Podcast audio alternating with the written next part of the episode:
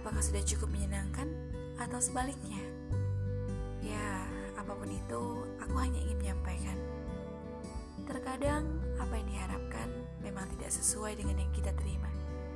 Terkadang juga yang diperjuangkan belum tentu dapat digapai. Tapi semua itu memiliki arti yang baru dapat kau mengerti setelah bersyukur dan ikhlas.